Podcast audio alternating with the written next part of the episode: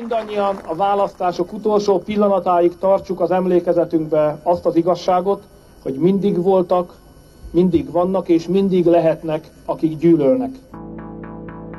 2002-ben nagy meglepetésre az addigi kormányzó párt, a Fidesz elvesztette a választásokat, a szocialisták visszatértek. Orbán Viktornak, a jobb oldal vezetőjének teljesen át kellett gondolnia addigi politikai elképzeléseit, sokak szerint olyan tanulságokat vont le a választási vereségből, melyek ma is hatással vannak hatalompolitikai elképzeléseire. Fidesz az 2002-ben egy ö, olyan víziót képviselt, hogy Magyarországnak milyennek kéne lennie. A polgári Magyarországnak a víziója az egy jövőbeli vízió volt. Arról szólt, hogy az ország ma olyan, amilyen, de mi ezt az országot szeretnénk megváltoztatni. Azt a következtetést vonta le, hogy nem elég jól kormányozni Magyarországon, nem elég polgári módon kormányozni, nem elég egy víziót, egy jövőképet adni az országnak, hanem ennek az országnak Kádár kell. Eljött az idő, hogy összesítsük, mire jutottunk, mit tudtunk meg a mai napon. Legkésőbb a 2004. decemberi sikertelen népszavazásnál, most alapvetően a kettős állampolgársággal kapcsolatos kérdésre gondolok, ott Orbán levonja, ha nem is egy csapásra, de gyakorlatilag 2005 derekára a tanulságot, hogy ha a Fidesz, vagy a Fidesz mögötti jobb középtábor nevezzük akárhogy, nem tud átnyúlni a hagyományosan kádári vagy MSZP és posztkommunista nevezd, ahogy akarod szavazó táborba, akkor szintén nem tud tartósan megkapaszkodni a hatalomba, vagy egyáltalán nem tud választást nyerni. Orbán azt tanulta meg, hogy milyen a magyar társadalom. És szembenézett azzal, hogy a 89 előtti világ öröksége az ott él a magyar embereknek a lelkében. Ehhez kell igazodni annak, aki Magyarországon választást akar nyerni. Ez egy olyan társadalom, mármint a magyar társadalom, amelyik többségében szeretné a felelősséget, a polgársággal, a polgári élettel járó felelősséget elkerülni.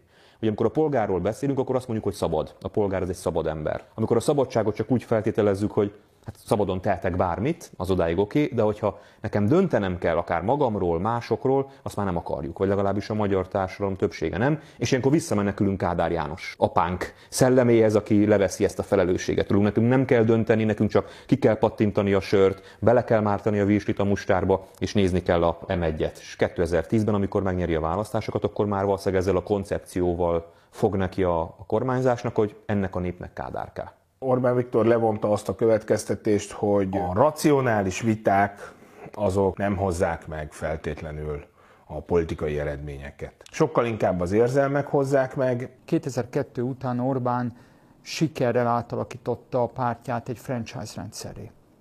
Tehát itt van egy Orbán brand, és van egy az, ezt a brandet kiszolgáló hálózat. Hát gyakorlatilag, mint hogyha a McDonald's-et, vagy a, a Starbucks-ot, vagy a Burger King-et elképzeljük. Tehát ilyen, mondom, szociológiai értelemben a Fidesz, tehát mint egy demokratikus szervezet, amelyik közvetíti az akar, a állampolgári akaratot a, a képviselőtestületekbe, ez így ebben a formában nem létezik 2003-2004-től. Az, hogy elvesztette a jobb oldal választásokat, annak viszonylag egyszerű magyarázatát látom én, amit később Kubatov listaként sikerült a baloldalnak ráragasztani a Fideszre, azt először az MSZP csinálta meg, mozgósított. Az első nagyon nagy következtetés az az, hogy egy a tábor, egy az ászló. Hajrá Magyarország, hajrá magyarok! Új formációt kell létrehozni, ezek voltak a polgári körök, és igazából a parlamentből kiesett kisgazdák, miép, részben centrumpárt, mindezt tömöríteni kell, és az MDF-nek a az önállóságát fel kell számolni érdemben, és minél gyorsabban a Fidesz szárnyai alá a teljes jobboldali közösséget be kell húzni. Ehhez pedig pénzparipa fegyver kell, és a pénzparipa fegyver legfontosabb eszköze, vagy a, a harc legfontosabb eszköze a média. Te már épp itt az idő, hogy bezárjon a népszabadság váratlanul. 2002 előtt inkább egy klasszikus, hagyományos választási párt karakterrel működött a Fidesz, 2002 után inkább egy tömegmozgalomnak a szervező erejeként kezdett el működni.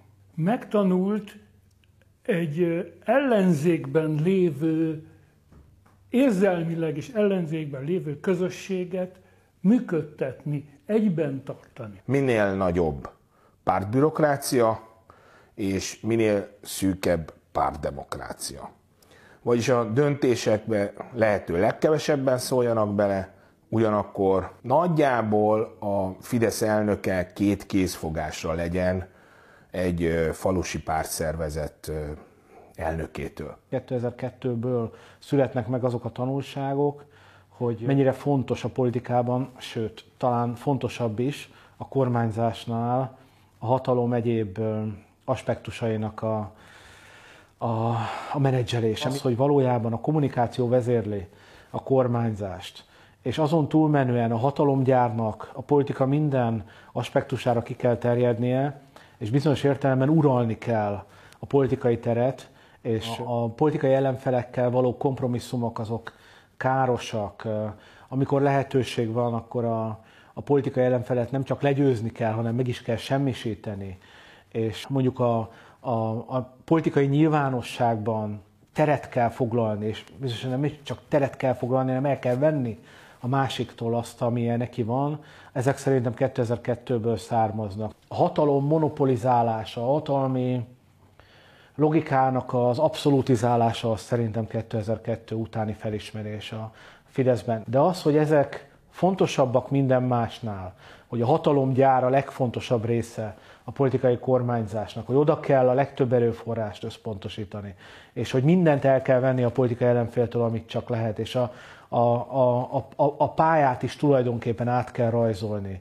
Az 2002-ből származó felismerés, és az, hogy a kormányzásnak nem, nincs edukatív funkciója. Tehát nem a, a politikus feladata az, hogy megmondja az embereknek, hogy mi lenne a helyes, hanem a politikusnak az a feladata, hogy monitorozza az emberek véleményét, és ar, ahhoz szabja a politikáját. Szerintem ez is alapvetően a 2002-es kudarc fő tanulsága volt. Nekünk, magyaroknak nincs hova hátrálnunk.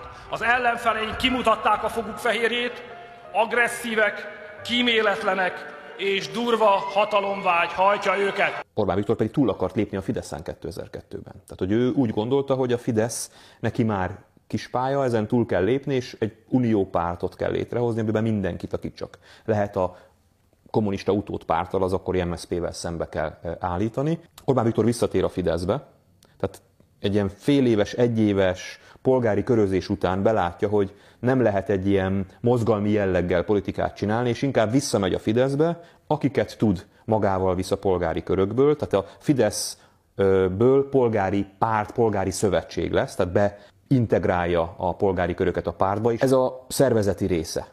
Ami a lélektani része, és nem ez az igazán fontos, hogy 2002-ben az választási vereség kapcsán Orbán Viktor azt élte meg, hogy ő csinált négy jó évet, kormányzott egy országot, szerinte azt gondolom, hogy sikeresen, és hát az emberek nem méltányolták őt, leváltották Mengyesi Péterre. Én egyébként személyesen ezért tartom az elmúlt 30 év, vagy most már több mint 30 év legnagyobb hibájának a 2002-es választási eredményt, mert szerintem a legrosszabb következtetéseket, vagy az azt követő időszak legrosszabb következtetései azok pont a 2002-es eredményből fakadnak.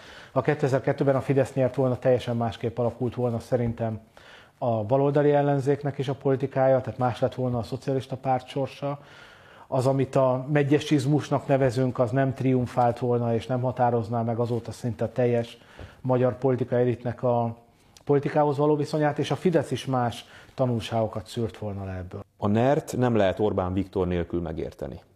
A NER az Orbán Viktor alkotása, személyes alkotása, és neki olyan erős a gravitációja, vagy olyan erős sem formálja a körülötte lévő embereket, hogy azokat is, akik egyébként nem biztos, hogy a NER-nek a működésével egyetértenének, vagy egyetértettek volna, azokat is maga mellé tudta állítani.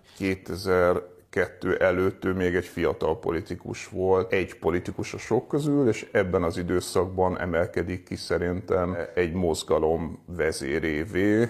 Mindig is egy támadó jellegű politikus volt, de akkor ez sokkal hangsúlyosabbá válik. Egy mozgalmi vezér szerep, ami tulajdonképpen a 89 körüli ényének egy megismétlődése, tehát ugye egy, egy ilyen konszolidált miniszterelnökből bizonyos értelemben visszamegy egy mozgalmi vezéré úgy, úgy 2006 után. Ha nem tévesztjük szem elől 56 eszméit, olyan kormányt választhatunk magunknak, amely azonnali tárgyalásokat kezd az orosz csapatok kivonásának haladéktalan megkezdéséről. Igen, komoly veszélye fennállt Orbán Viktornak, hogy nem, hogy miniszterelnök nem lesz soha többé, hanem hogy egyáltalán miniszterelnök jelöltje lehet-e még egyszer a Fidesznek. És éppen ezért ezt a nyolc évet ne egyszerűen egy, egy tanulásként, hanem inkább egy küzdésként, küzdelemként érdemes felfogni. A legfontosabb szerintem, amit Orbán Viktor megcsinált, az két dolog. Az egyik, hogy, hogy gyakorlatilag a Fidesznek a, az aktivista táborát, akár lehet mondani, hogy a pártagságát, azt lecserélte. A másik ilyen nagy fegyvertény, hogy teljesen átalakította a Fidesz szervezetét, az, hogy egy ilyen centrális párt lehessen a Fidesz, annak a, az alapjait akkor tette le. Megtanulták azt, hogy könnyen lehet veszíteni, és hogy egy átfogóbb uh, átrendezésére van szükség a magyar társadalomnak. Tehát nem csak a szűk értelemben vett politizálásra van szükség ahhoz, hogy valaki kormányra kerüljön, vagy kormányon maradjon, hanem a társadalmi viszonyoknak a, az átrendezésére, ami azt jelenti, hogy értelmiség, sajtó, tehát alapvetően a véleményformálás, és az alulról jövő mozgalmak, tehát mondjuk a polgári körök és hasonlók, tehát, tehát hogy sokkal szélesebben kell politizálni, mint, mint korábban, és létre kell hozni egy, és egyben kell tartani egy politikai tömböt. Szerintem akkor jön az a felismerés, hogy egy hasábjává kell válnia, vagy egy tömbjévé kell válnia a magyar társadalomnak, a Fidesznek. Orbánnak és hát az Orbán mögötti tábornak le kell szűrni azt a tanulságot, hogy önmagában az az ágenda, amivel Antal József menetelt 90-ben, vagy amivel Orbán Viktor menetelt 98-ban, az nem elégséges ahhoz, hogy ez a történeti jobboldal Magyarországon megkapaszkodjon a hatalomba. Tehát az egész, ami utána jön, szociális népszavazás, rezsicsökkentés, a kerítés emelés, lásd még biztonság és a többi, ezek mind ebből a felismerésből, ebből a felismerésből táplálkoznak. Az ellenzékben lévő Fidesz egyik legnagyobb eredménye a 2008-as népszavazás eredménye volt, a népszavazás, a vizitdíj, a képzési hozzájárulás és a kórházi napi díj megszüntetésére indult a Fidesz kezdeményezésére.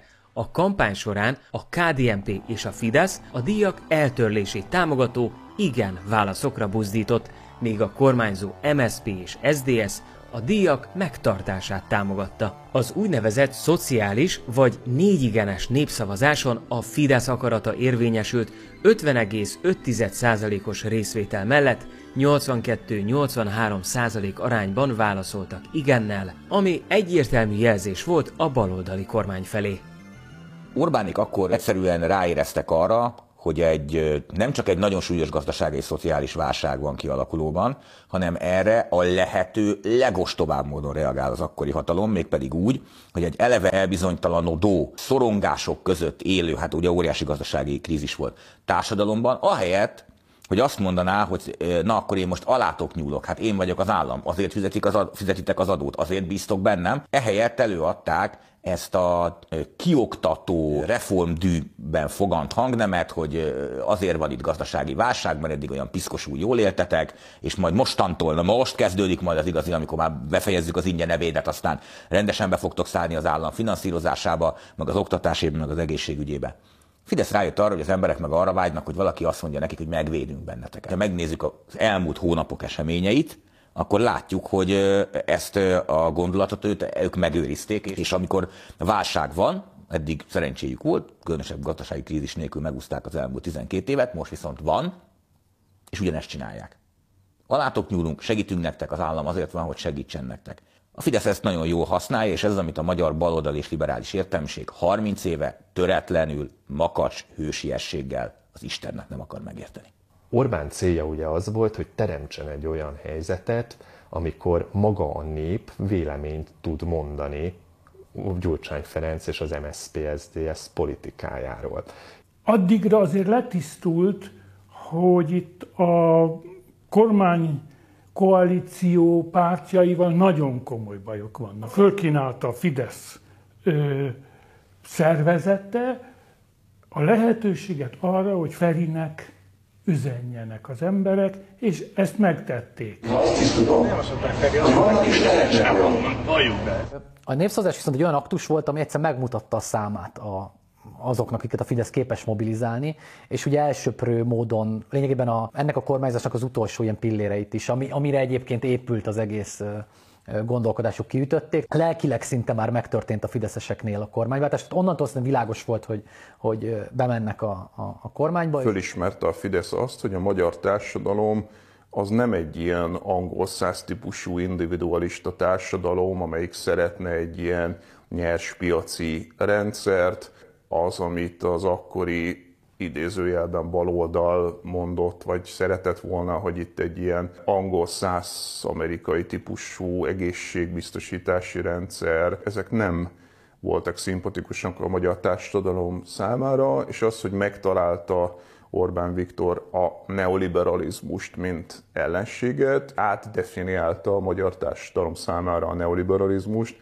és aztán az ő kormányzása is 2010 után neoliberális lett, de jól megtalálta azt, hogy a neoliberalizmus az bizony egy, egy olyan pont, amit a magyar társadalom elutasít. Ha csak szociológiailag nézzük a választói csoport, ilyen millió csoportokba gondolkodunk, akkor az gyakorlatilag az első alkalom a rendszerváltás óta, hogy a magyar értelemben jobb közép, tehát ez az Antali MDF, aztán az Orbáni Fidesz átnyúl a Kádár árvák szavazótáborába, hogy mondjam. Tehát a kádári kispolgári rétegből ö, érzékelhető számban, tehát korábbi MSP vagy éppen kisgazda szavazók, nem véletlen beszéltem szigorúan a jobb középről, mert ebből a választói rétegből számosan szavaznak át Tordjánra 98-ban, és szavaznak a Jobbikra 2010-ben.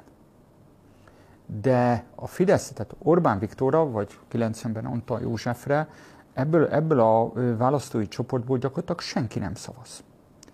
És ezt az egyenletet elkezdi megugrani Orbán, tehát hogy ő tartós többségre akkor tud szert tenni, hogyha a hagyományos jobboldali szavazó rétegeken, szavazói milliócsoportokon kívüli választói csoportokat el tud érni. És ehhez neki a kaput a szociális népszavazás nyitja meg. 2007. december 17-e a kiírás megszavazásának a napja. Ugyanezen a napon szavazza meg az országgyűlés a Lisszaboni szerződést, úgy, hogy egyetlen képviselője sincs, aki olvasta volna a ratifikált szöveget.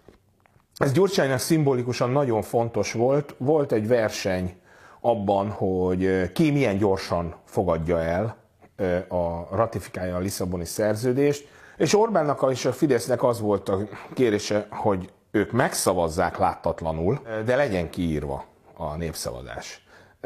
Ilyen értelemben mai fejjel azt mondhatnánk, rászedhették Gyurcsányt. Gyurcsány meg hajlandó volt ebbe belemenni, és onnantól kezdve érdemben nyert ügye volt a Fidesznek és Orbán Viktornak, mert minden adott volt ahhoz, hogy a magyar társadalom mélyen materiális felfogását ők is kihasználják. Ez egyébként először 2002-ben jelentkezett a Fidesznél tanulságként, hogy bizony a magyar társadalom ö, könnyen, könnyen fizet szabadsággal, könnyen fizet elvekkel, könnyen fizet értékekkel, amennyiben cserében materiális javakat kap. Az őszinte beszéd ideje nem 2008-ban járt le a magyar politikában, de 2008 mutatta meg, hogy teljesen reménytelen ezekről a kérdésekről értelmes, a nyilvánosságban értelmes politikai diskurzust folytatni. Ugye mindenki számára egyértelmű, hogy 2008 után is fizetős maradt a magyar felsőoktatás jelentős részben, és 2008 után is alapvetően az állampolgári finanszírozást tartja életben tartotta életben az egészségügyet. Onnantól egyértelművé vált, hogy egy debil politikai kommunikáció folytatható csak ezekben a kérdésekben.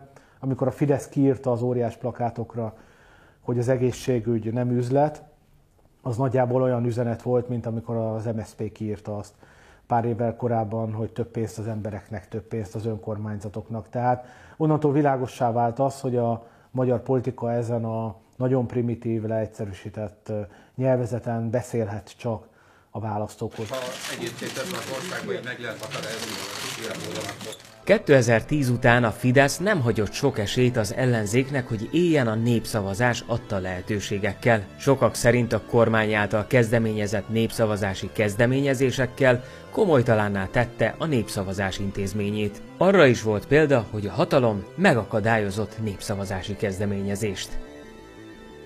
Ugye minden kormányzásnak, akár be vagy, akár nem, része a rizikók csökkentése, tehát minél kevesebb kockázatot kell hagynom a rendszerben, annak érdekében, hogy én minél tovább hatalma maradhass. A népszavazás mindig egy lehetséges kockázat. Ők pontosan tudják, mekkora politikai kárt tud okozni egy kormányzó elitnek, hiszen ők maguk rengeteg kárt okoztak a ellenfelüknek, és ebben az értelemben szerintem biztosan hozzájárult ahhoz, hogy hogyan nehezítették a népszavazási kezdeményezéseket, illetve hogyan kezelték.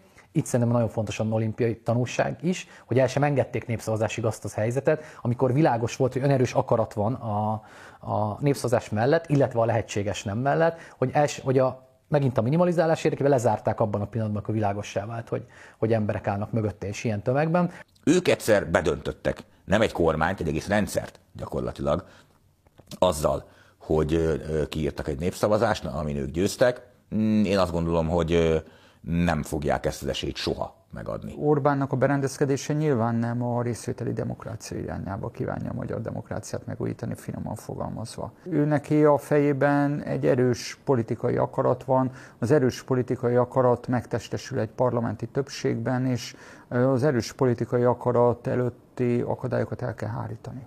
Tehát magyarul ő nem szeretne úgy hatalmat gyakorolni, hogyha nem az, hogy az ellenz, éppen pillanatnyi ellenzék, hanem általában a nép, minden, ami nem a négy éves parlamenti szava, országgyűlési választás, az ne legyen akadályozó tényező. Ahogy az alkotmánybíróságot is gyakorlatilag kiiktatta a hatalmi térből, ugyanígy a népszavazás intézményét is. Pontosan tudja azt, hogy egy népszavazás az mindig egy, egy politikai állásfoglalás is, ami persze egy konkrét kérdésről szól, de hát valójában mindig a hatalmon lévő kritikája is. Azt hiszem nem is annyira maga a népszavaz, nem is maga a szavazás napja, ami ilyenkor fontos, hanem az a az a grassroots mozgalom, amit ilyenkor elő lehet állítani azzal, hogy bizonyos ügyek mellé embereket állítunk, és ezzel egy politikai mozgalomhoz vonzuk az embereket, és ezzel azóta is rendszeresen próbálkozik, akár a mostani ellenzék is. Fidesz a saját maga 2008-as szociális népszavazásával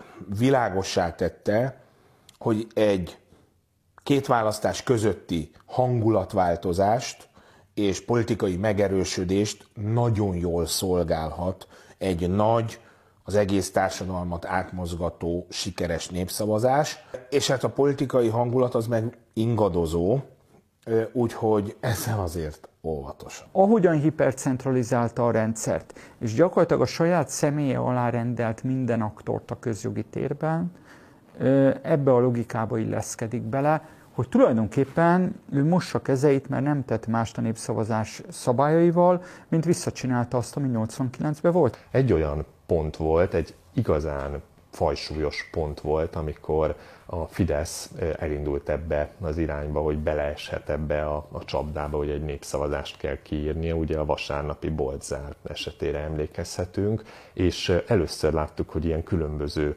technikai elemekkel, meg kopaszoknak a, a meg bízásával, meg különböző vidéki asszonyságoknak az igénybevételével, ugye technikailag próbálták ellehetetleníteni azt, hogy ki lehessen írni egy ügydöntő népszavazást, majd amikor ez végül az MSZP-nek sikerült, és egyértelművé vált, hogy itt elkezdődik az aláírásgyűjtés, vagy elkezdődhet, akkor egy pillanat alatt kiálltak ebből az egészből, és ugye mai napig nyitva lehetnek vasárnap a boltok. Az a helyzet, hogy a legrégebbi szociáldemokratai szakszervezeti követelés a szabad vasárnapnak a biztosítása. Tehát amit a szocialista párt ebben a kérdésben csinált pillanatnyi politikai haszonszerzés érdekében, kiszolgálva az aktuális közízlést, arra klasszikus időkben azt mondták volna, hogy munkásárulás.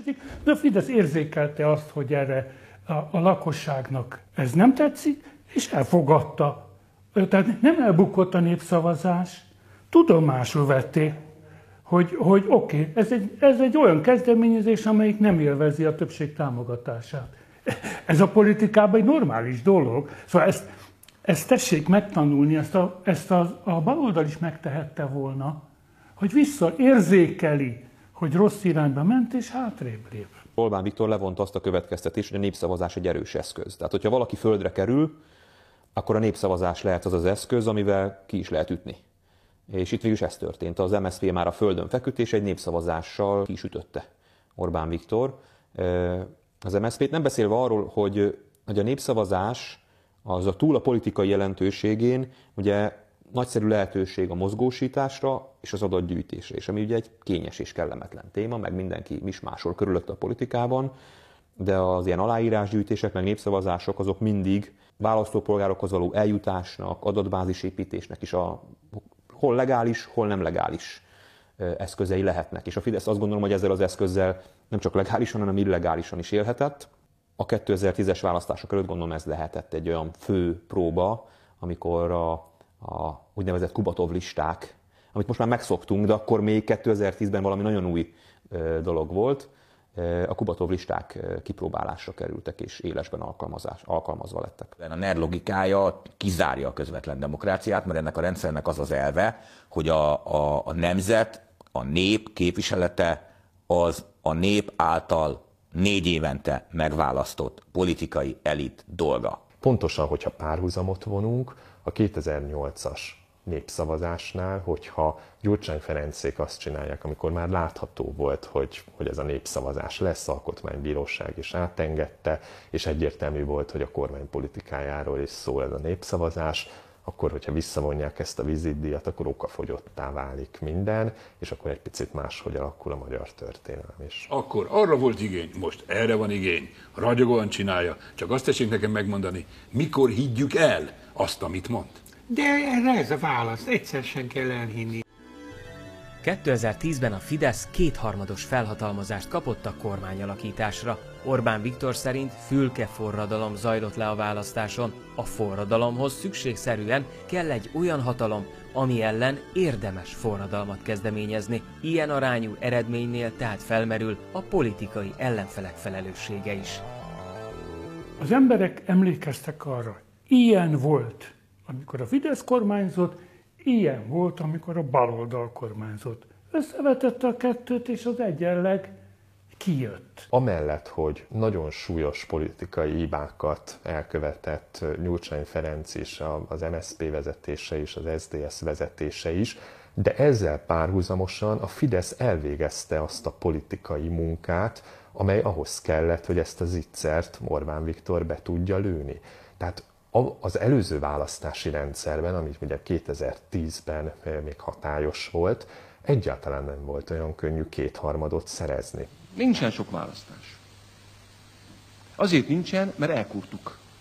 Nem kicsit, nagyon.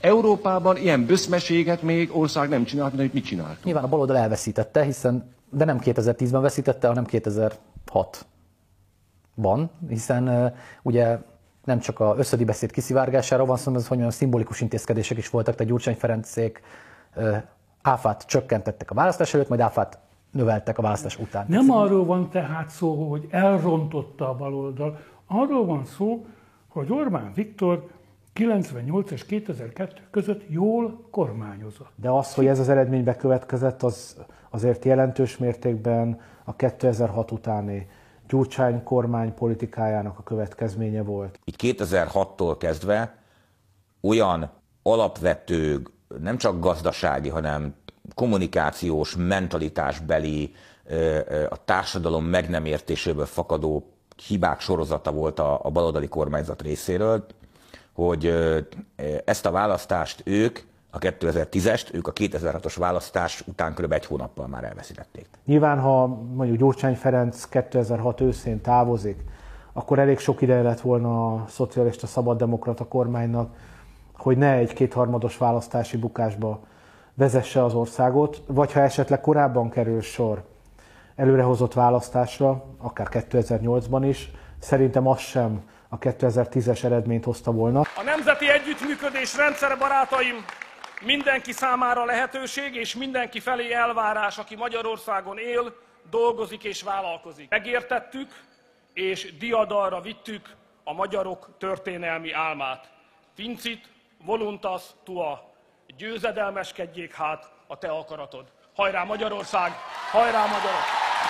Ilyen arányú győzelmet a Fidesz biztos, hogy nem aratott volna, hogyha 2006 és 10 között nem épül ki egy olyan halálpontos könyörtelenséggel működő gépezet, ami, ö, amit mi egyszerűen Kubatov listaként szoktunk emlegetni, ami lényegében, hát legalábbis szerintem a, a nagyobb városok szintjén ö, lépcsőház emelet ajtó szinten tudja, hogy ö, legalábbis azt, hogy hol vannak a Fidesz szavazói. Szóval ennek a rendszernek a, a, a logisztikai, infrastruktúrális részében a tudás, pontosabban az információ az, ami a legfontosabb része. A baloldalnak a tőkéje, amivel számos választást megnyertek, és megkerülhetetlen politikai erő voltak 2010-ig, az a kapcsolati háló volt, ami még a 89 előtti világból volt. Fidesz viszont arra jött rá, hogy nekik ez a rendszer nem fog kiépülni olyan hamar. Nekik ezt tulajdonképpen egy, egy multinacionális cég hideg prezidításával kell megcsinálni. És ez az, ami, ami, ami tulajdonképpen ö, ö, Kubatov lista néven elhíresült. A centrális erőtér gondolata átszövi Orbán Viktor hatalompolitikáját. Elképzelései szerint mindig van szükség olyan politikai erőre, ami a fidesz kdnp től jobbra és balra is elhelyezkedik. Ha nincs centrális erőtér, akkor kétosztatú a politikai tér. A kérdés, hogy tudatos vagy szükségszerű stratégia eredménye a centrális erőtér megléte. Nyerni mindig középről lehet. Ez egy vas törvénye a politikának minden demokratikus országban. Tőlem jobbra is vannak, tőlem balra is vannak, és ez működött egészen 18-ig. Ugye a centrális erőtérnek a gondolatát Orbán Viktor még bőven 2010 előtt fogalmazta meg, és az, hogy a magyar politika ebbe az irányba megy, az tulajdonképpen 2006 után dőlt el, amikor látszott, hogy a hagyományos baloldal az megrendül, az kezd szétesni, és ezzel párhuzamosan megjelenik a Jobbik. 2009. júniusában bekerül a Jobbik 10 százalékkal az EP-ben, és három hónappal később, szeptemberben mondja el azt a köcsei beszédet, ahol meghirdeti a centrális erőtér koncepcióját. Tehát a centrális erőtér koncepciójában pont az volt a lényeg, hogy van a Jobbik is, mint erős szereplő, amelyik a posztkommunistánkkal azonos súlyú szereplő, tehát a centrális térnek az a lényege, hogy ott vannak egyik oldalon a posztkommunisták, másik oldalon ott a szélsőjobbon, és a kettők közül kimagaslik a Fidesz. Magyarul az Orbán franchise. A centrális erőtér az ö, alapvetően a Fidesz akaratától függetlenül jött létre, és az, hogy Orbán ebben meglátta a lehetőséget, ez egy nagyon jó példa arra, amit több elemző is megállapított Orbánról, hogy borzasztóan jól és gyorsan alkalmazkodik új helyzetekhez.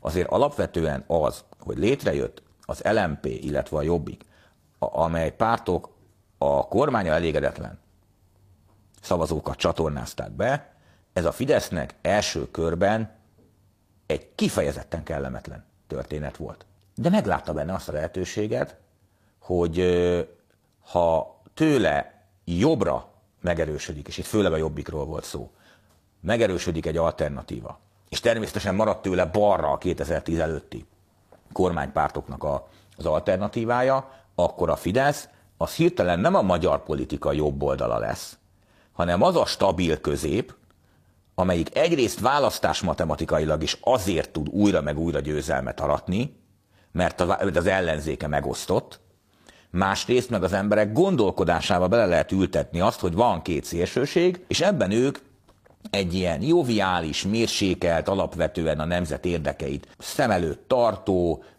de hát nem szélsőséges pártként jelentek meg. És az oszd meg, oszd meg és uralkodj elve alapján Orbán felismerte azt, hogy neki ez egy nagyon ideális helyzet lehet, hogyha van egy hatalmas nagy Fidesz, és emellett olyan pártok keringenek körülötte, amelyek képtelenek az összefogásra. Ugye abból a uh, intuícióból fakad, hogy ez a két oldal soha az életben nem tud majd uh, egymásra találni, tehát Fidesznek amennyiben a választási rendszert úgy módosítják, hogy többségi alapra kerül és uh, legnagyobb kisebbségnek is elég lenni, akkor ez akár az örökké valóságig garantálhatta volna a mindenkori többséget, hiszen a Jobbik és a Fidesztől, tehát a baloldal koalíció az elképzelhetetlen, ez volt tízben a, egyébként a felek politikájából, a világlátás mindenből következő logika. 2018 Fideszes kétharmada az a centrális erőtér maximális kihasználásának az eredménye. Ez valamikor 2009-ben történik meg, hogy hosszú távra be tudjon rendezkedni, oly módon, hogy a politikai közepet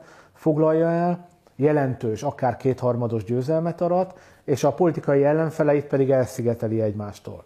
Ugye ez volt a Köcsei beszédben először 2009-ben elmondott centrális erőtér koncepció. Hogy szokták mondani, hogy, hogy Orbán Viktor mennyire kiismeretetlen vagy kiszámíthatatlan politikus, de én azt gondolom, hogy a magyar politikusok közül talán ő az egyetlen, aki a nyilvánosságot is, nyilvánosságot is tájékoztatni szokta előzetesen politikai céljairól. A, a, a 2009-es Köcsei beszéd, ami ugye megjelent a, azt követően a sajtóban is, az szinte egy menetrendet adott, egy, egy politikai tervet vázolt fel azzal kapcsolatban, hogy a Fidesz mit akar létrehozni, milyen politikai konstrukciót. A Jobbik az meglepte Orbán Viktort és a Fideszt is. Ebbe a három százalékos 3-4, max. 4 százalékos dologból ők meg fognak állni, gondolhatták ők, de ez nem így történt, és ennek az az oka, hogy a Jobbik képes volt baloldali szavazókat is megszólítani, nem csak nem klasszikus nemzeti radikális szavazókat. És amikor 2009-ben az európai parlamenti választásokon berobbanunk, nem így berobbanunk középpártként a magyar közéletbe.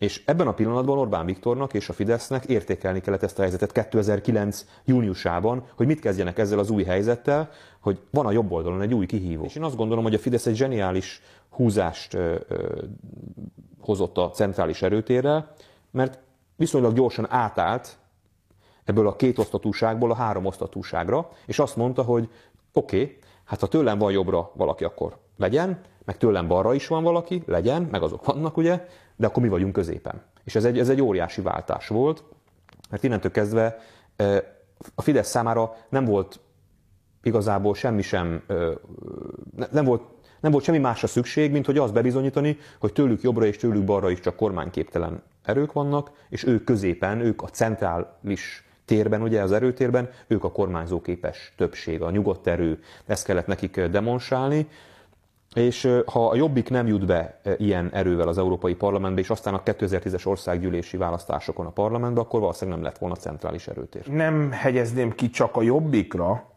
hogy ez hozta a centrális erőtérnek a látásmódját Orbánnál. Ebbe a centrális erőtérbe benne van a kétharmad, és az egy reális kétharmad volt. És valóban forradalmi lehetőséget is kínált az új kormány számára, és ebben az egészben értelmezte magát centrálisan, ezzel a többséggel és az új aréna kialakulásával, amelyben valóban hozzá képest volt jobboldali ellenzéke is, volt centrumbeli ellenzéke is, és volt baloldali ellenzéke is.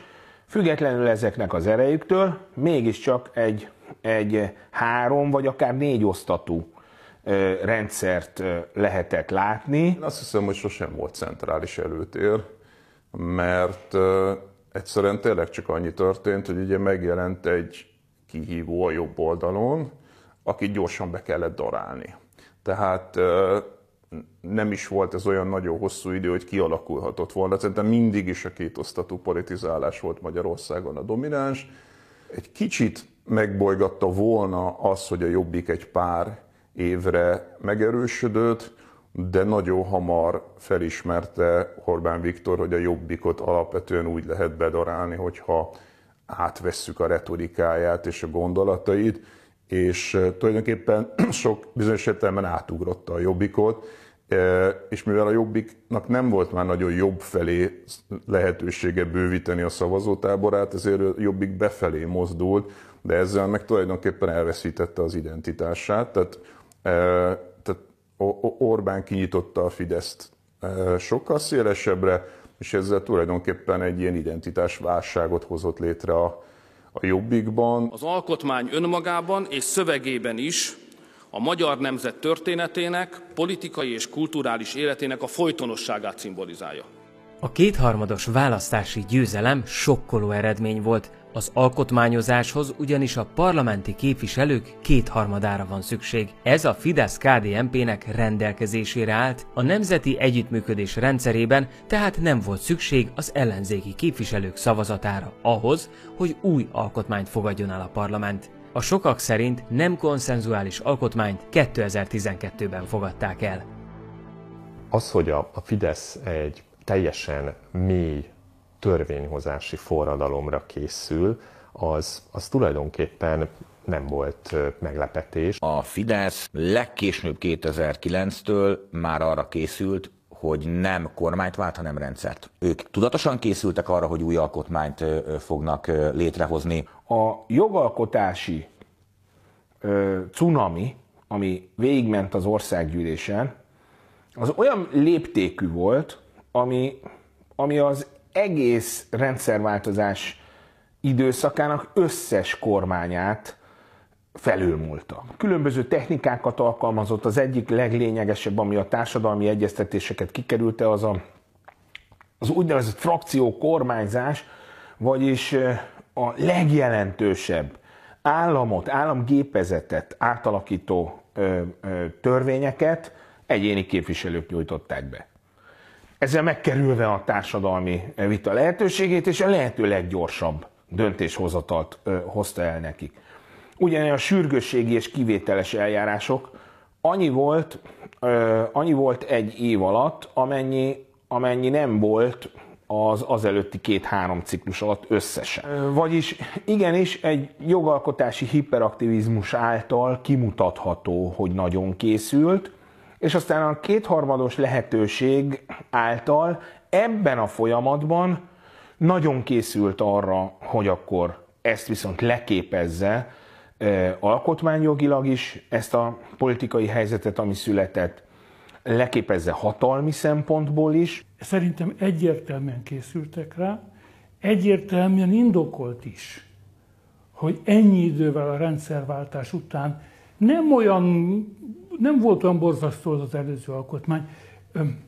Eszterházi Péter mondta egyszer a Népszabadságról, hogy én már csak a nevét utálom. Egy kicsit ez az alkotmány is olyan volt, hogy már csak, a, már csak azt utáltuk, hogy valójában ez az 1949-es alkotmány újabb és újabb és újabb módosítatása, hát cseréljük már ki egy újra. Szeretném megköszönni mindenkinek, hogy részt vett a nemzeti konzultációban, és felelősség teljesen hozzájárult, hogy Magyarországnak végre erős és végleges alkotmánya legyen. Olyan gránit alap, amelyre a magyar jövő sikereit, egy sikeres Magyarországot tudunk fölépíteni. Orbán Viktornál szerintem ez nem kérdés, hogy amennyiben a kezében van az a többség, ami kell hozzá, ugye ha az van az alkotmányból, hogy kétharmad kell a alkotmány módosításhoz, vagy elfogadásához, és neki kétharmada van, az, az ő hatalomfelfogásában azt jelenti, hogy elégséges demokratikus legitimációja van ahhoz, hogy megváltoztassa az alkotmányt. A konszenzuális modell, demokrácia modell kiürült, lefosztotta a Gyurcsány rendszer, mm, hamisnak érzi, hazudtak benne, és ezáltal üres. És hogyha igaz is az, hogy 2010-ben a választók valamiféle rendszer megjavításra adtak felhatalmazást nagyon nagy többségben, akkor ők tévedtek, mert itt egy új rendszer építésre adtak felhatalmazást. Mert ez a volumen, amivel rendelkezik, ezt ő úgy értelmezi, hogy egy új rendszer születésére adott felhatalmazást a magyar választók, nagy többsége, parlamenti legképezésben kétharmada, és ezáltal a konszenzuális demokrácia modellt egy új többségi modellre fogja leváltani, és ennek alappillére az a gyors alkotmányozás. És mindezek mellett pedig körbebástyázza azokkal a e, törvényekkel, amelyek, hát ahogy Tellér Gyula mondta, az alvat kádári struktúrákat lekaparja a magyar társadalomról, és, és hát valami újat, rendszerváltót, és az előző politikai erőtérrel nem foglalkozót, az teljes mértékben figyelmen kívül hagyó. A politikai akaratot akadálymentesen lehessen érvényesíteni, a politikai akarat pedig egyenlő az első számú döntéshozó akaratával. Ez az, ami már 2003-ban megjelenik a Fidesz statutumaiban, akár a párt, akár a frakció szabályzatában, alapszabályában, hogy gyakorlatilag Orbán akarata nyílegyenesen fut végig a rendszeren, és ehhez képest kell az egész közjogi berendezkedést fölfűzni. Ez a gondolat azt gondolom, hogy, hogy bőven megvolt már 2009-et megelőzően Orbán fejében. Jegyzem meg, ezt kevéssé szoktak erről megemlékezni, de hogyha a politikai válságot kirobbantó összödi beszédnek a leírt szövegét elemezzük, akkor most ott a borgőzős tirádákon, meg a, a egészen erkölcstelen okfejtéseken kívül, tehát hogy meg, lehet tüntetni a parlament előtt, megunják, hazamennek és a többi, azért az eléggé világosan látszódik. Gyurcsány is abban vergődik, hogy először a rendszerváltás óta inkumbens miniszterelnökként felhatalmazást kap, soha korábban senki nem tudott újrázni. Van egy nagyon erős, ha úgy tetszik, népi legitimitása, és mégis fogja a frakciónak, a pártnak, a különböző bürokráciáknak. Tehát magyarul a politikai akarat nem tud érvényesülni. Ez nem egyszerűen Gyurcsánynak vagy Orbánnak, hanem az egész rendszerváltás utáni magyar politikai osztálynak egy hatalmas feladványa volt. Maga a, a kormányzati szerkezet, a, a kormányzati szerepfelfogás 90-ben, tehát amikor összeül az első Antal kormány, hát nem igazán különbözött a német Miklós féle minisztertanácstól. Tehát magyarul a kormány, miközben a rendszerváltás épp arról szólt, hogy a pártpolitikai bizottsága helyett immáron a kormány a politikai stratégiának az első számú letéteményese Magyarországon, továbbra is az a szerepfelfogás volt, hogy a miniszterek ügyintézők, és az a sikeres miniszter, aki sikeresen lobbizik a tárcájának. Ez, ez mondom, ezzel küzdködött Gyurcsány is, és Orbán a kétharmados felhatalmazás birtokában itt a fejteteiről talpán állította a rendszert, de hát mint mindent ezt is, hogy mondjam, túltolta. Én azt gondolom, hogy a Fideszben inkább ilyen ábrán szinten lehetett 2010 előtt jelen az alkotmányozás lehetősége. Persze, ahogy 2010-hez közelítünk, és nyilván már a választásokhoz közeledve tud számolni a Fidesz e, e, egyre pontosabban, és akár a kétharmad esélye is fölmerül, ott már biztos, hogy elindult konkrét gondolkodás arról, hogy mit kezdjenek a kétharmaddal. Nem a semmiből jött a, az új alkotmány gondolata, de az, hogy ebben az alkotmányban mi legyen, azt valójában csak konkrétan az alkotmányozás előtt néhány hónappal körvonalazták. Hogy ez mennyire így van, azt jól mutatja, hogy például a Parlament Alkotmány Előkészítő Bizottságában akkor felmerült tervekben nagyon mások szerepelnek, mint a végső változatban. Nagyon sok ötlet merült fel, és voltak olyanok, amelyeket egészen komolyan is lehetett venni egy darabig. Ugye a 2000-es években a, a fideszes közönség, vagy inkább azt mondanám, hogy a, a, az értelmiség egy része a jobb oldalon az alkotmányban találta meg a Gyurcsány leváltásának a lehetetlenségét, vagy a gátját. Az alaptörvény megszületésében azért nagyon sok ilyen esetlegesség volt. Ugye van ez a legenda, hogy Szájer József a, a vonaton vagy a repülőn, a laptopján pötyögi be a, a, a fundamentumokat. Amit én így hallottam, ugye frakcióvezetőként innen-onnan elcsippent a fideszesektől, én azt hallottam, hogy ott akkor komoly viták folytak, és komoly a Fidesz meghatározó vezetői között az alaptörvény megalkotásáról, tehát ezt inkább 2010 után kezdték kidolgozni, és hát ugye nem is 2010-ben került ez azonnal a, a politika erőterébe, hanem ugye 2010 után. A Fidesz alapélménye a gyurcsányi túlhatalomtól való félelem volt, vagy a gyurcsányi túlhatalomnak a megakadályozása. Nincs az alkotmány, nem ad elég eszközt kezükbe, hogy hogyan lehetne vele szemben. Ezért amikor az alkotmányozási lehetőség előkerült, akkor nagyon sokan a jobb oldalon azt remélték, hogy majd a fékeket erősítik meg a rendszerben. Lesz két kamarás parlament, lesz a köztársasági elnöknek parlament feloszlatási joga. Na nyilvánvaló volt, hogy ezek nem voltak Orbán Viktor érdekei, vagy ez egyik sem állt érdekében, így aztán ezek szépen ki is koptak az alkotmány előkészítésből, és amikor Szájár József, ahogy tudjuk, elkezdte az alkotmányt írni, akkor már nyilvánvalóvá vált, hogy egy teljesen más szellemiségű alkotmány lesz. Nem a hatalmat akarja korlátozni, hanem nyilván a hatalmat akarja megerősíteni. Ugye a mai napig magyarázkodnia kell Orbán Viktornak, olykor külföldön és olykor itthon is ez azért bekerül a, a közbeszédbe, hogy mennyire tud legitim lenni egy olyan alkotmány, amelyet tulajdonképpen a Fidesz ezzel a kétharmaddal keresztül vitt, de gyakorlatilag a, a módosításoktól kezdve az összes ebből jövő sarkalatos törvényt, azt a társadalommal kevésbé tárgyalta át. És pont ezért, mivel ez, a, ez az alkotmány, ez, ez egyszer csak úgy lett, és, és fontos hangsúlyozni, hogy formális szempontból teljesen, teljesen legitim módon, teljesen a szabályokat betartva hozták meg, tehát nem, nem férhet kétség a, a hatályosságához.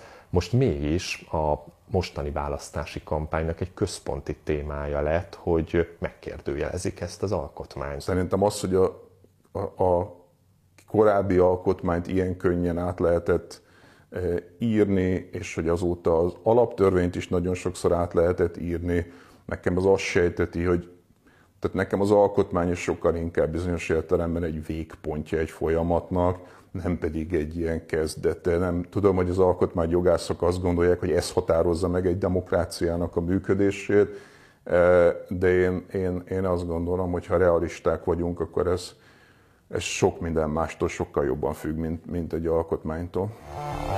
A kétharmad birtokában tehát nem volt szükség az ellenzéki képviselőkre. Az új alaptörvényt a kormánypárti képviselőkön kívül senki nem fogadta el. Az alkotmányról elhíresült a gránit szilárdságú jelző. A NER alkotmányát azonban számos alkalommal kellett módosítani, így közel sem tekinthető szilárdnak. Bár az alkotmány nem gránit szilárdságú, úgy tűnik a NER az.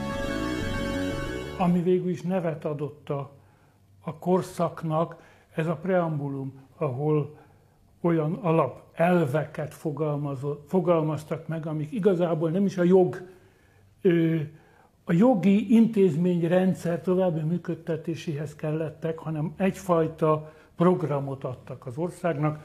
A Fidesz azt gondolom úgy látta, hogy szükséges, hogy egy programot adjunk, így képzeljük az országot, ilyen céljaink vannak, ezt, ezt foglaltuk bele. Ha megnézzük az alkotmány preambulumát, amit ilyen töltelékszövegnek szoktak tartani, az szerintem egyértelművé teszi, hogy ők cezurát akartak húzni, a 2010 előtti időszakot, tehát a 90-től 2010-ig terjedő 20 évet egy zavaros, lényegében politikai szempontból értékeltetlen korszaknak tekintették, és nyilvánvalóvá tették, hogy új rendszer épült, amelynek a, a Fidesz által vallott keresztény konzervatív elvek a meghatározói. Több mint 90%-os egyetértés van arról, hogy a legfőbb közös értékeink számára, mint a család, a rend, az otthon, a munka és az egészség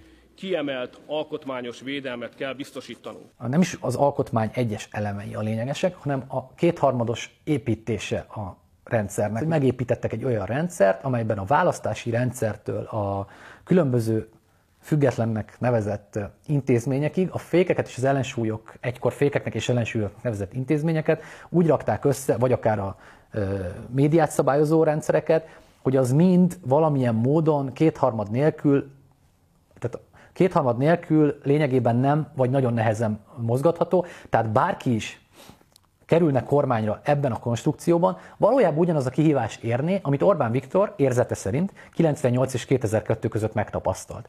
Tehát van demokratikus legitimációja, ő kormányoz, de nem tudja érvényesíteni a politikai akaratát megfelelő mértékben. Szeretném megköszönni mindenkinek, hogy részt vett a nemzeti konzultációban, és felelősség teljesen hozzájárult, hogy Magyarországnak végre erős és végleges alkotmánya legyen. Olyan gránit alap, amelyre a magyar jövő sikereit, egy sikeres Magyarországot tudunk fölépíteni. Majdnem ugyanaz maradt minden. Tehát sok akkor, amikor először megszavazták.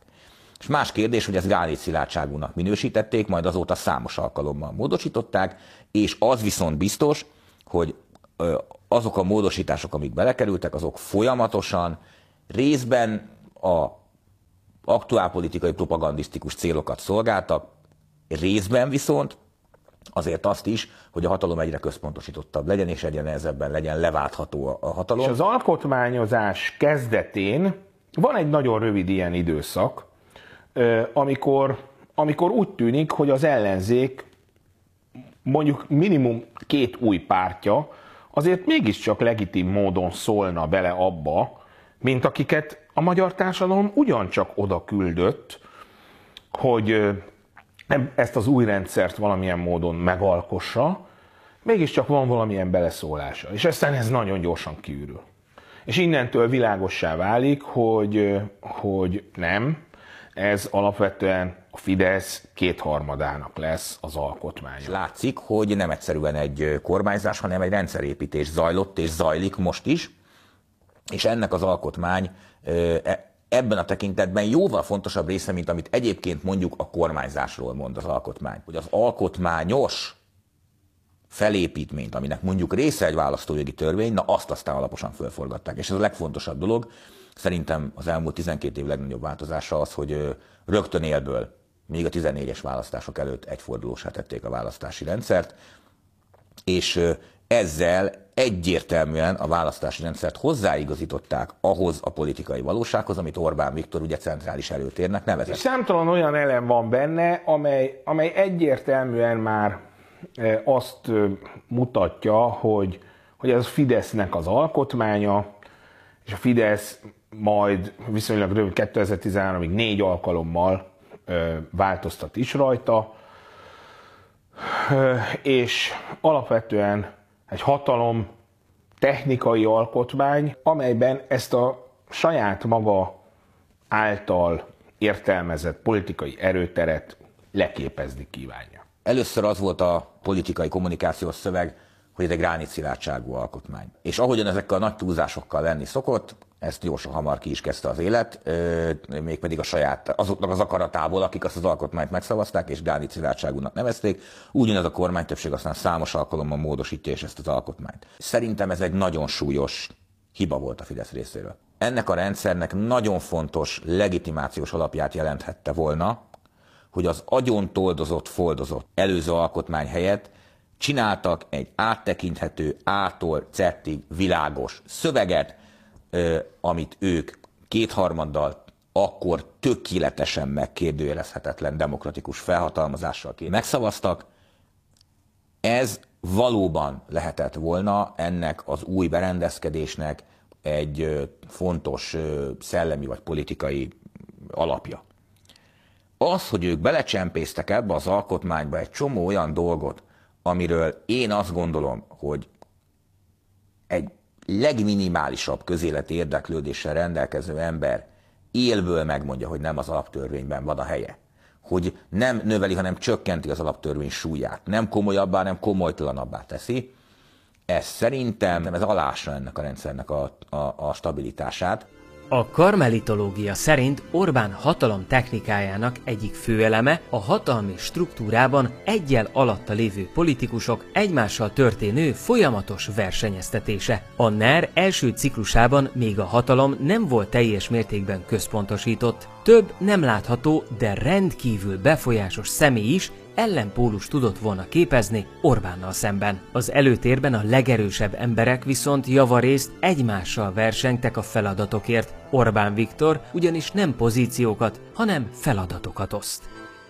Mert azt különbözteti meg sok más egyéb mellett a 2010 előtti világtól, hogy ha még emlékszünk rá, 2010 előtt a sajtóban teljesen nyíltan olvashattunk arról, hogy a kormány különböző meghatározó figurái hogyan fúrják egymást, sajtónyilatkozatokban támadták egymást. Ez 2010 után teljesen le lett folytva. Egyetlen nyilvános erőközpont a ner Orbán Viktor, tehát hivatalosan mindenki neki rendeli alá magát. Ez nagyon fontos új szerep, mert ilyen nem volt korábban. Bármennyire is voltak autoriter jegyei, vagy akarnok törekvései Horn Gyulától kezdve Gyurcsány Ferencig, sok politikusnak Magyarországon, nem, világos volt, hogy a politika iránt érdeklődő emberek tudtak mondani legalább öt olyan embert, aki ezeket a vezetőket másnap le tudta volna szedni, ha nagyon akarja, és szerez mellé szövetségeseket. Orbán ilyen szempontból egy megkérdőjelezhetetlen erőközpont.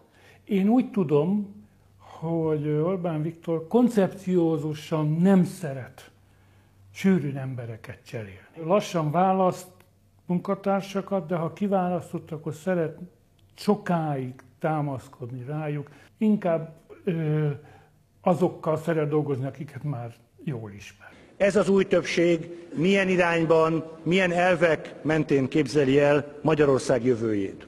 Ez az első ciklusban ö, nagyon világos volt már a választás előtt, hogy nagyon komoly szerepet szánnak Navracsics Tibornak 2010 után, pedig ö, ő talán, talán az egyik legfontosabb erőközpontot ő hozta létre. Majd azt látjuk, hogy a történet végén ugyanaz vár rá, mint egyébként sok sorsát, újra kell kezdeni. Elvállal olyan feladatokat, hogy nem tudom, valamelyik egyetemnek a különböző irányító testületeiben vesz részt. Tehát magyarul a fejedelmi udvarban újra meg kell mérkőznie azért, hogy megkapja azt az elismerést, amit ő már egyszer megkapott, és ugye mi a B? Azért, aki volt hatalom közelben, járt a politika elitjében, azt látjuk, hogy nagyon nehezen tudja elengedni egyik pillanatra a másikra. Nem is tudom, hogy tudunk-e igazán főleg az utóbbi évtizedből, amikor még a nyilvánosság szerkezete is nagyon megváltozik, tudunk olyan példát mondani, aki elengedi teljesen, és semmilyen módon nem kötődik a közélethez, és nem próbál valamilyen módon érvényesülni, vagy, vagy politikáról, közéletről beszélni. Tehát láthatóan törekednek vissza ebbe a rendszerbe, és Navracsics erre jó példa. Úgyhogy igen, ők voltak az első ciklus, úgymond erős emberei, és aztán látjuk, hogy ciklusról ciklusra jönnek az új erős emberek, elmennek, újra jönnek. Szóval nagyon érdekes ez a, ez a fejedelmi udvarban lévő verseny, ami megjelenik a fideszes politikusok között. Navracsics Tibor volt az a, ö, mond, hát nem is most szürke eminenciás, de lehet, hogy ez nem is a rossz kifejezés, aki, akiről így azt sugárzott, hogy ő, aki kormányoz. Orbán Viktor a politikai vezető, de hogy Orbán Viktor kicsit mindig ilyen, ilyen táltosként, ilyen, ilyen szellemi vezetőként lebegett a Fidesz és a, a, az ország felett, és Navracsics Tibor az, aki ennek a kormányzásnak a szakmaiságát, a, a komolyságát, a struktúráját megszabja, vagy kialakítja. Ő tűnt a legerősebb embernek, és mögötte tűnt föl Rogán Antal és Lázár János így a második vonalban. Legyen egy normális kapcsolat, hogy más legyen ez a kultúra, ami most van születőben, mint volt az elmúlt 20 esztendőben ellenzék és többség között. Ráadásul kétharmad birtokában ez azt gondolom fontos, hogy érezzék az ellenzéki pártok, hogy a véleményük számít. Az első ciklusban én ezt láttam, hogy van egy Navracsics, Lázár, Rogán páros, és ugye akkoriban azt beszélték, hogy Lázár János mellett vagy mögött áll Simicska Lajos is, ugye, aki akkor bár nem a parlamentben, de komoly erőteret képezett a Fideszben, és ez lehet Lázár Jánosnak a nagy ereje, hogy Simicska Lajos úgymond embere ő a Fideszen belül. Nyilván Lázár János ö, ö, akkoriban kezdett megerősödni, én szerintem a második ciklus már az ő ideje, amikor az eljön, de akkor kezd följönni. Orbán azt is mindig tesztelte, meg versenyeztette, hogy valójában ki mennyire tud meg, mer, meg akar beleállni az adott politikai szituációkba. Több fideszes politikus nem akart beleállni abba, hogy az alkotmánybíróság jogkörét csorbítsák, de például Lázár János beleállt ebbe a dologba, és az ő felemelkedése az például ehhez is köthető. Pintér Sándor urat a belügyminisztérium vezetésére kértem föl. Tőle azt várjuk, azt várja minden magyar választópolgár, hogy állítsa helyre a közrendet és a közbiztonságot, az ő esetében a munka a legnehezebb, mert nincs vesztegetni való idő. És hát ott van ö, Rogán Antal és Pintér Sándor, mint a NER álló csillagai. Tehát ők az, szinte az elejétől nagyon meghatározóan jelen vannak, és a mai napig jelen vannak. Na most Pintér Sándort nem véletlenül szokták a csendes Don néven ö, is emlegetni. Egy olyan erőskező vezetője a rendőrségnek, a, vagy irányítója a rendőrségnek, ennek az egész belügyeket érintő csomagnak, aki eközben lojális Orbán Viktorhoz, nincsenek a Fideszen belül semmilyen olyan pártvezetői ambíciói, amelyek mondjuk aggaszthatná Orbán Viktor, tehát ő neki egy nagyon fontos szövetségese. Polgármesterként próbálok ugyanúgy, hogy az elmúlt négy évben is mindent beletenni a parlamenti munka mellett, ez épp elég energiámat elvisz, és egyébként a fővárosi közgyűlésben is vannak ötleteim, de azok szerintem ahhoz fognak kapcsolódni, ami a belvárosi munkám is. Tehát én azt mondom, hogy a főváros nagyon sok dologban érdekelt a belvároson belül. Nagyon érdekes Rogán Antal színeváltozása is. Ő is egy kifejezetten harcos, sokat nyilatkozó politikus volt 2010 előtt, majd utána még jó néhány évig. Rogán először a rezsicsökkentés egyik arcaként jelenik meg 2010 után. Ez egy nagyon más szerep, mint amit ma látunk Rogán Antalon. Rogánt ma a, a fényűző NER elit egyik tipikus példájának tartja, szerintem még az elkötelezett fideszes választók döntő többsége is. Érdekes módon 2014 előtt, különösen a 14-es választások előtti kampányban, amikor a rezsicsökkentés nagyon fontos szerepet játszott a Fidesz kommunikációjában, akkor egyszerű, keményen dolgozó kisemberekről beszélt, és ezzel turnézta végig a stúdiókat. 2014-es választások után létrejön egy olyan kormányzati kommunikációs központ, amely a kormány és a kormánypártok kommunikációját összehangolja. Valószínű, hogy amikor ezt a pozíciót megszerezte Rogán, akkor, e, akkor lett rányomva a pecsét arra, hogy ő innentől kezdve háttérember, keveset beszélő, keveset nyilatkozó ember, aki viszont alapvetően a kormányzati kommunikációnak a gyakorlati részét valósítja meg. És e tekintetben ma a NER egyik legerősebb figurája. Nagyon látszik, hogy Orbán Viktor kormányzási stratégiájában mi az, ami nagyon fontos. Legyen rend, ennek a neve Pintér Sándor, legyenek rendben a pénzügyek, ennek a neve Varga Mihály, ugyanis minden Orbán kormányban lényegében ez zajlik, ez a két pillére van a kormányzásnak. Ez a két ember azért van mindig így, amellett, hogy nyilván nagyon megbízható munkát végez Orbán Viktor szempontjából, és rendben tartja ezt a két területet, mert nem, ér, tehát nem, nem mozgatják olyan típusú politikai logikák, mint a többi ambiciózus hatalomért versenyző egyéb kollégát. A Simicska Lajos volt. Ő is volt a leokosabb egyébként közöttünk. Nem viselt politikai posztot, nem volt miniszter, nem volt a Fidesz frakció tagja, és mégis alapvetően meghatározta az első ciklusnak a politikáját. Ez Simicska Lajos volt, aki akiről az első ciklusban a fideszes berkeken belül még szót se lehetett nagyon ejteni. Az, hogy ő, ő létezik, az tényleg ilyen otthon a négy fal között suttogva lehetett csak kimondani. Miközben Simicska Lajos nagyon is meghatározta a Fidesz politikáját, méghozzá azért, ugyanis a gazdasági hátországnak a felépítése, az, hogy a, a Fidesz és a, az Orbán kormány politikája érvényesülhessen, és ehhez meglegyenek a gazdasági biztosítékok, az Simicska Lajos biztosította.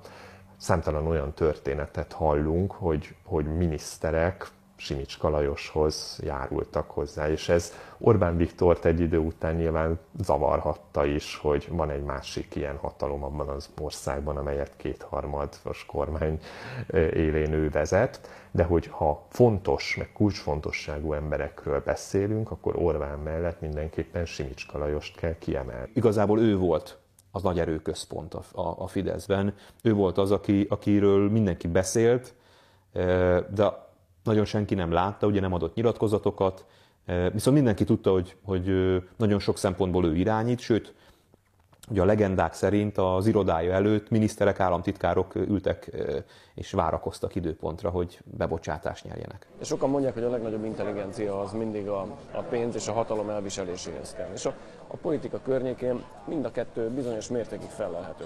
Külön kell venni a, a pártot és a pártszervezést, valamint külön kell venni a kormányzatot. Ebben a turbulens folyamatban nagyon fontos, hogy a párt és a, az új választójogi rendszer az egyszerre lépjen. A párt bürokráciában természetesen a pártigazgatónak nagyon nagy szerepe van, és a regionális igazgatóknak, akik egyébként ténylegesen nagyon nagy munkát is végeztek.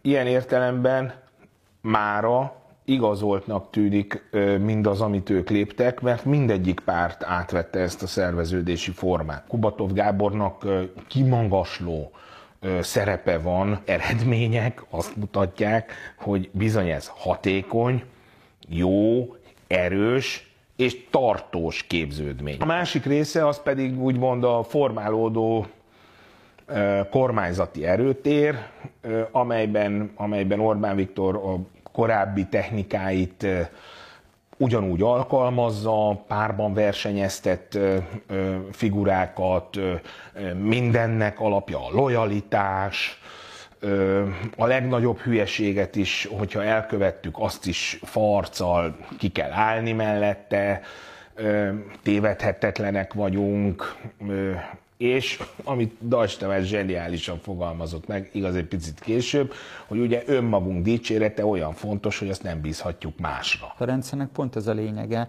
hogy abban az értelemben áramlatok, frakciók, platformok nem tudnak kialakulni a Fideszben, ahogyan akár annak idején az MSZP-ben kialakultak, vagy a nyugati jobb vagy baloldali pártoknál kialakulnak. Ez nem értelmezhető. Lázár János jegyzem meg, hosszú ideig nem is volt a Fidesznek a tagja, ő KDNP-sként kezdte. Lázár Jánosnak ilyen értelemben szervezeti beágyazottsága nincs is a Fideszben. Nem véletlenül lesz ő a frakcióvezető 2010-ben, ugye ez egy kulcspozíció a, a NER kialakításához. Orbán nyilvánvalóan nem akart olyan embert a frakció élére, akinek erős a beágyazottsága, erős az elfogadottsága. Tehát akkor, amikor itt Navracsicsoznak, meg Pintéreznek, meg Lázár, Pintér Sándor soha nem volt a rendszerváltás óta legalábbis soha nem volt pártnak a tagja, rogánoznak, akkor ezek, ezek ilyen, ilyen sajtójátékok, meg plegykák, de mondom, a rendszer ebben az értelemben az áramlatokat kizárja. Hát ez, ez, a, ez az egész 2002 utáni Fidesznek a lényege. Habár az alkotmány gránit szilárdságú, a NER még nem, legalábbis az első ciklusban, így tehát azzá kellett tenni. A ciklus kezdetekor ugyanis az alapélmény az lehetett, hogy övék a kormányzati hatalom, de gyengék a gazdaságban, kultúrában, médiában. Emiatt egyszerre érezhették azt, hogy kormányon is és ellenzékben is vannak. Ezért hirdettek radikális változást, igaz, ők nem a plakátokon, hanem hatalompolitikai értelemben. 2010 után a legfontosabb a NER számára az volt, hogy egyáltalán kiépítse magát. Tehát, hogy az a e, tudatosság, hogy itt most nem egyszerűen csak egy kormányváltás történt, mint korábban, hanem egy ilyen félrendszerváltás, de azt hiszem ezt annak idején egyébként Orbán Viktor szó szerint mondta is. Szerintem az első ciklus tétje alapvetően az volt, hogy ez egy epizód lesz-e, vagy sikerül tartósá tenni. Tehát, hogy lesz-e Orbánizmus, vagy sem. Az első ciklusban volt a legtörékenyebb a Fidesz politikai hatalma. Az alapvető tét az volt, hogy, hogy 2014-ben sikerül-e újra győzni. Bizonyos értelemben 2010-14 az a túlélésért folytatott küzdelme a Fidesznek. Ebben szerepe volt nyilván annak a gazdasági helyzetnek, ami, amit a Fidesz örökölt, és részben amit kialakított. Maga az, hogy egy ilyen fogalmat bedobtak, hogy a e, nemzeti együttműködés rendszere, nem pedig kormánya, e, meg voltak ezek az ilyen alaptörvény asztala, meg ilyen, ilyen tehát egyértelműen egy ilyen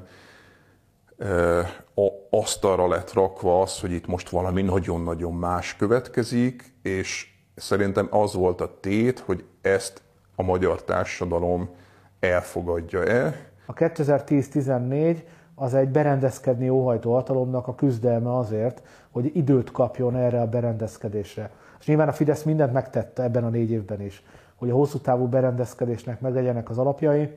Az alkotmány mellett a legfontosabb dolog a választási rendszer módosítása tulajdonképpen ennek köszönhető az, hogy 14-ben újra kétharmadot tudott kapni a Fidesz, és az a politikai menedzsment, az a politikai hatalomgyár működtetés, amelynek köszönhetően az ellenzéket sikerült egymástól elszeparálni, távol tartani, és még az úgynevezett baloldali ellenzéken belül is a bajnai, mesterházi konfliktussal, és aztán Gyurcsány Ferenc kilépésével és a DK önálló szereplőként való megjelenésével még inkább polarizálni ezt a tábort. Nem gondolom én, hogy az erővonalak változás, ami egyébként természetesen van, jelentős szerepet játszana. Ez egy olyan társaság, amelyik elfogadja, tudomásul veszi, akceptálja azt, hogy Orbán Viktor a főnöke, a vezetője ennek a közösségnek. A ciklusnak a tétje az volt, hogy egy nagyon nehéz gazdasági helyzetet örök, megörökölve úgy kell végigcsinálni a négy évet, hogy a végére siker nek él, élje meg a lakosság. Ez nagyon fontos. Mindig arról beszélnek, hogy Orbán Viktor a hatalomért küzd.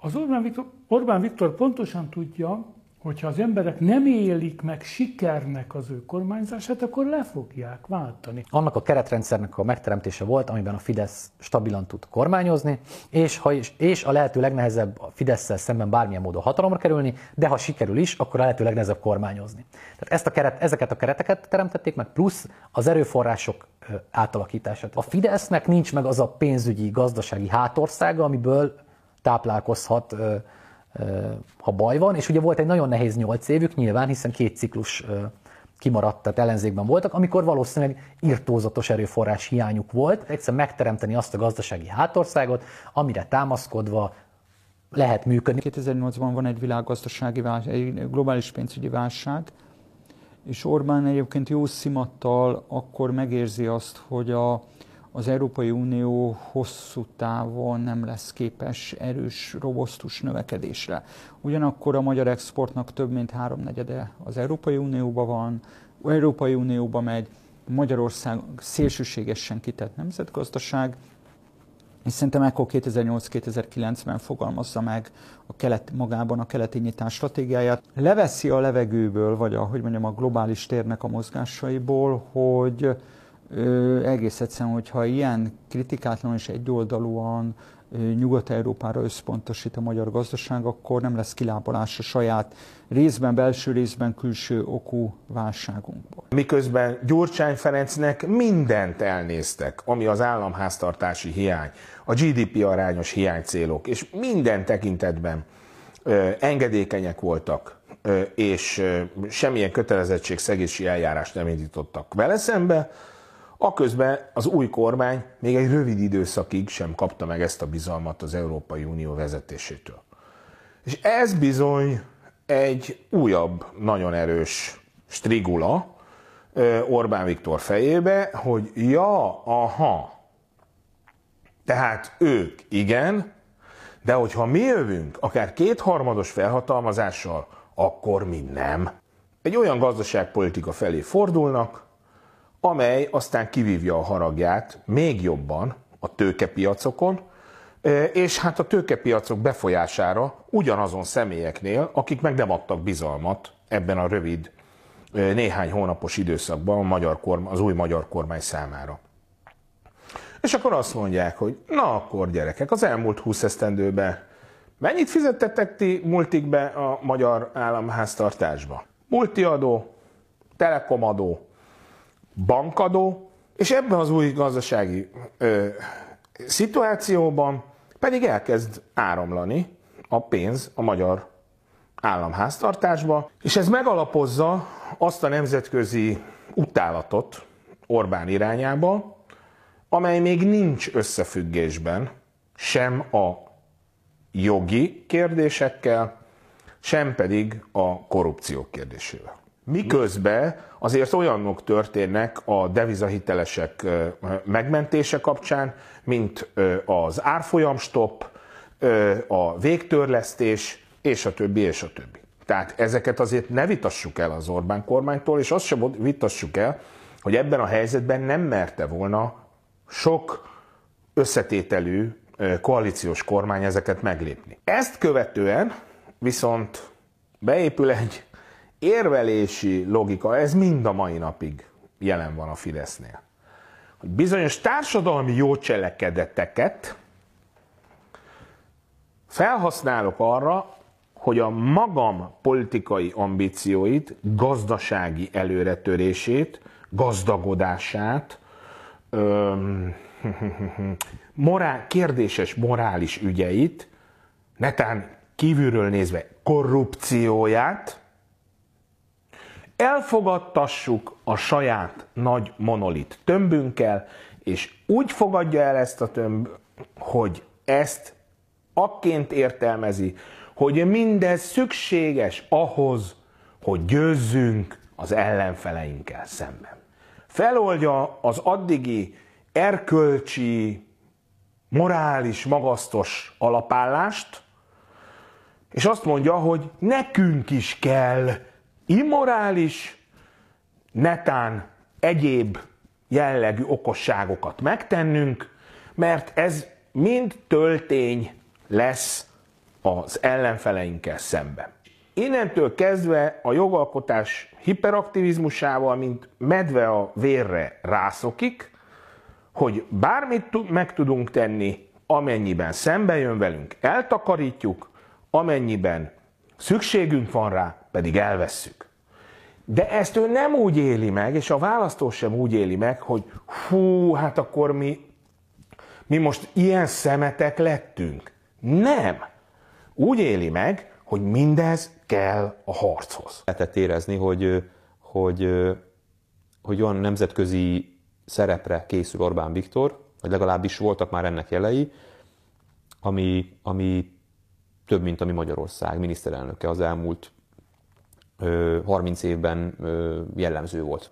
Emlékszem is arra, hogy megjelentek ilyen cikkek, hogy Európa erős ember, és amikor még ezen mosolyogtunk 2010 és 14 között, hogy ott Orbán Viktor, nyilván ez a Fideszes sajtóban volt, akkor inkább úgy tűnt, hogy egy ilyen vanabi dolog ez az egész, hogy ő szeretné, szeretne erős polcra kerülni az Unióban, befelé ezt jó is mutogatni, mert az emberek szeretik azt látni, hogy na hát bezzeg a milyen miniszterelnökünk az milyen erős figura, de, de, de ott még ez nem volt igaz, de a jelei már látszottak. A bankadóval, a multik elleni adóval, ott már egy kis brüsszelezés is elindul, a rezsicsökkentés is ugye valahol egy harc volt a multinacionális tőke ellen, tehát ez a szabadságharcos dolog ott, ott, ott már megjelenik, és nem ez volt az első választásnak, a, már 14-es választásnak a tétje, hogy, hogy Orbán Viktor fölé tud emelkedni a magyar politikának. Tehát ő neki az volt a célja, azt gondolom, és mindig is az a célja, hogy a magyar politikában ő egy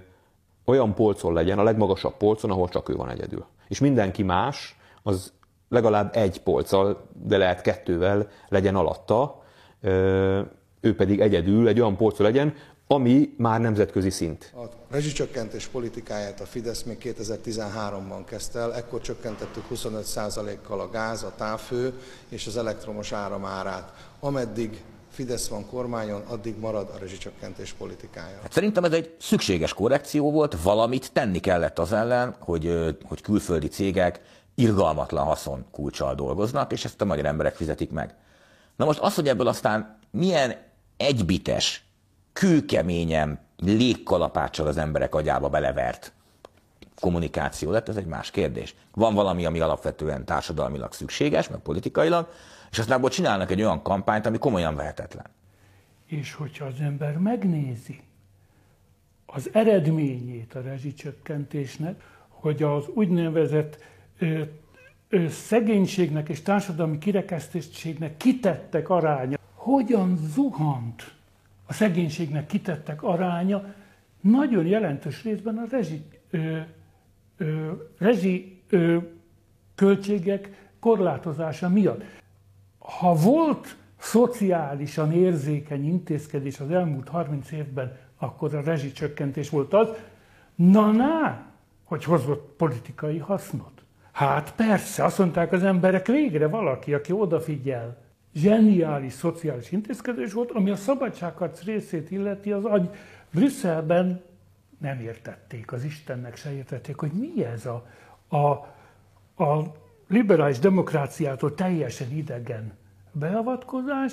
G. Fodor Gábor szavaival élve egy, egy politikai termék volt, de ugyanakkor egy olyan, egy olyan jól felépített politikai termék, amely tényleg a az egyes választói csoportoknak, sőt, gyakorlatilag minden választónak érezhető plusz pénzt jelentett. De az a része ö, nyilvánvalóan egy, egy fontos lépés, hogy a 90-es években a közműcégeket, az energiaszolgáltatókat ö, dobra verni, kiárusítani a külföldi tőkének, ez, ez, ez egyszerűen hazárulás és gazemberség volt. Ö, tehát az, hogy a, ezeknek a közműszolgáltató multiknak az extra profitját el akarja venni a kormány, az szerintem helyes. Ugyanakkor az, hogy ezt nem a rendszer korszerűsítésébe, nem energiahatékonyságba fekteti, hanem gyakorlatilag azonnal egy lépcsőbe szétosztja az emberek között. Ez nyilvánvalóan a populista politikának a sajátja, és hát pont most látjuk ennek a, a kárát, hogy, hogy ez egy nagyon rövid távú gondolkodás. A rezsicsökkentés ugye szintén szimbólum, azért, azért tudott politikai szimbólum lenni, ne felejtsük el, mert a, azt hiszem Lendvai Ildikó volt a Nem lesz gázáremelés című mondat miatt, ugye ez egy szintén szimbolikus eleme lett a magyar politikának, és ebből a szempontból, hogy mivel a választópolgár többsége találkozott, vagy így, vagy úgy a mondat, hogy nem lesz gázáremelés, lesz gázáremelés, plusz nyilván az alapvető megélhetési költségek egy jelentős része a rezsi, tehát az, amit mindenki költeni kell. A Fidesz meg láthatóan úgy ítéli meg, hogy ennek az alacsonyan tartása nagyon sok pénzt megér azért, mert ez egy olyan típusú közvetlen juttatása embereknek, amit ami fontos a, a, abból a szempontból, hogy hogy ítélik meg, hogy jól vagy rosszabbul vagy jól élnek, hiszen a választás a legvégül is azért legtöbbször ez dönt, hogy milyenek az ember kilátásai. Azt gondolom, hogy a rezsicsökkentés az inkább kampányfogás volt.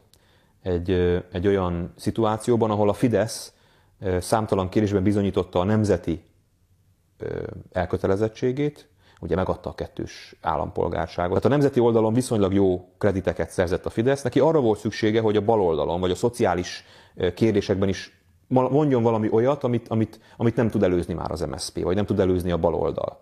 14-ben még a baloldaltól féltek, és ezért a rezsicsökkentés azt gondolom ezért volt fókuszban, mert egy ilyen rezsicsökkentés egy baloldali kormánynak kellett volna megcsinálni, és ezt ők megcsinálták. Tehát azt mondták, hogy én nem csak nemzeti vagyok a nemzeti oldalnál, hanem még baloldali vagyok az MSZP-nél is. Természetesen megfelelőképpen gazdaságilag kihasználva, ez is a rendszer lényegét képezi, közbeiktattunk egy olyan céget, amelyik majd nekünk hozza a hasznot, az teríti el majd az energiát, de úgy tegyük mindezt, hogy egyébként meg a választóknak is jó legyen. Meg lehet tenni? Meg lehet. Nyertünk mindannyian? Igen. Választás is lehet vele nyerni? Nagy valószínűséggel igen. Akkor meg hajrá. Alapvetően a Fidesznek a gazdaságpolitikája az neoliberális. Tehát ha a fő intézkedéseket nézzük, a, az egykulcsos adót, a jóléti állam teljes elutasítását, a munkakeresési járuléknak a minimálisra csökkentését, az oktatás egészségügy kivéreztetését, akinek Európához képest is a pozíciói relatíve is javultak, az a felső három jövedelmi tized, az alsó hét jövedelmi tized, az stagnál, tehát ugyanott maradt Európához képest, időben javult a helyzete, tehát ezeknek az embereknek is, az alsó hétnek is a tíz évvel korábbihoz képest javult a helyzete, de nem zárkózott jobban fel Európához. Na most egy ilyen alapvetően a felső társadalmi csoportokat segítő, támogató politikát nehéz eladni direktben a választóknak. Mindig szükség van valamire, amivel kibalanszírozzuk ki azt, hogy alapvetően ez egy felső társadalmi csoportokat segítő politika, és akkor ilyenkor jönnek be a rezsicsökkentés, vagy mondjuk manapság a benzinárának a maximalizálása. Volt egy csomó olyan intézkedés, amivel tulajdonképpen főleg választások előtt azt próbálta ellensúlyozni a Fidesz, hogy azért a fő árama az ő politizálásának az neoliberális, és amikor ezeket csinálja, ráadásul mindig számíthat a liberális értelmiségre, mert a liberális értelmiség ezen a ponton mindig megszólal, és elkezdi azt kiabálni, hogy ez kommunizmus, hogy ez kádárrendszer, ami iszonyatosan jól jön a Fidesznek, miközben persze nem igaz, de nagyon jól jön a Fidesznek, mert azt sugalja, hogy itt egy ilyen gondoskodó állam van, és ahelyett, amit ugye a liberális véleményformálók gondolnak, hogy ezzel leleplezik a Fideszt, és népszerűtlenné teszik ezzel tulajdonképpen én azt gondolom, hogy rásegítenek a Fidesznek arra a propagandájára, hogy mi nem vagyunk igazából neoliberálisak, hanem mi egy gondoskodó kormányzat vagyunk, és ez működik. Tehát ugye az látszik az adatokból fura módon, hogy miközben a fölüllévők jobban járnak a Fidesz kormányzásával, A Fidesz támogatottsága az meg pont szembe megy ezzel, tehát minél szegényebb valaki Magyarországon, minél kisebb jövedelmű, annál nagyobb arányban támogatja a Fideszt, és minél gazdagabb, annál kevésbé. A 2014-ben megszerzett újabb kétharmad igazolta, hogy Orbán Viktor elképzelései működtek. A nemzeti együttműködés rendszere elkezdte bebetonozni a hatalmát. Következő részben a rendszer megszilárdulásának további történetét vizsgáljuk meg.